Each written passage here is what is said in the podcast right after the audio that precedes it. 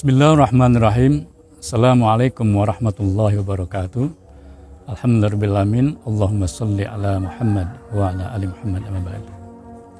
Saudaraku yang Allah muliakan, sebagaimana yang diperintahkan, yang diajarkan oleh baginda Rasulullah SAW, bahwa seorang muslim tidak selayaknya dia hanya mengurus dirinya sendiri, memperhatikan kepentingan dirinya sendiri.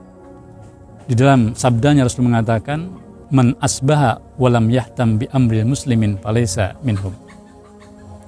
Sekali lagi Rasul mengatakan bersabda dalam sebuah hadisnya man asbaha walam yahtam bi amril muslimin falaysa minhum.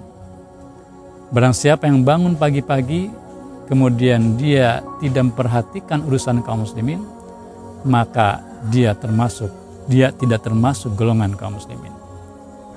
Ini menunjukkan betapa seorang muslim dituntut untuk selalu peduli kepada sesamanya. Peduli terhadap kondisi Islam dan kaum muslimin. Karena itulah yang menjadikan dirinya menjadi bagian dari kaum muslimin.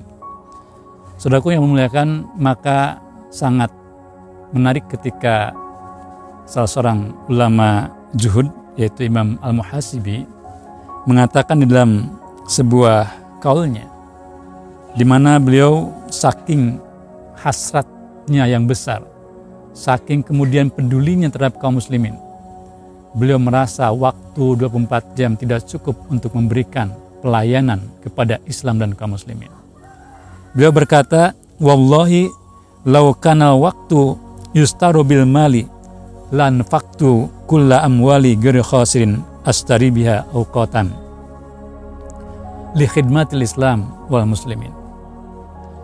Kata beliau, demi Allah, andai waktu bisa dibeli dengan uang, dengan harta, maka aku akan membeli waktu tanpa merasa rugi.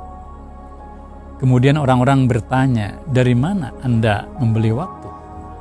Beliau mengatakan, minal farigin, dari orang-orang yang menganggur, dari para pengangguran, dari orang-orang memiliki waktu yang waktunya disia-siakan. Ini menunjukkan betapa besarnya perhatian beliau terhadap upaya berkhidmat kepada Islam dan kaum muslimin. Mudah-mudahan kita pun dijadikan oleh Allah sebagai orang-orang yang punya kepedulian terhadap Islam dan kaum muslimin karena itulah yang menjadikan diri kita layak untuk disebut sebagai bagian dari kaum muslimin sebagaimana yang disabdakan oleh Rasulullah yang tadi saya sampaikan. Demikian Mudah-mudahan bermanfaat. Assalamualaikum warahmatullahi wabarakatuh.